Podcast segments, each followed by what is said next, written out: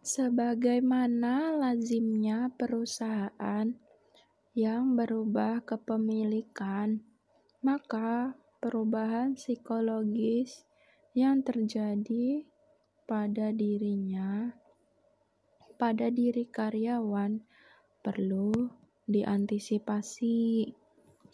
Dalam hal proses waktu transisi tersebut, hal ini merupakan perubahan besar bagi karyawan untuk memastikan kelancaran transisi. Ada baiknya Anda melakukan suatu proses sebelum kesepakatan selesai. Lalu, pastikan Anda sebagai pemilik baru perusahaan perasaan yang baik tentang karyawan-karyawannya.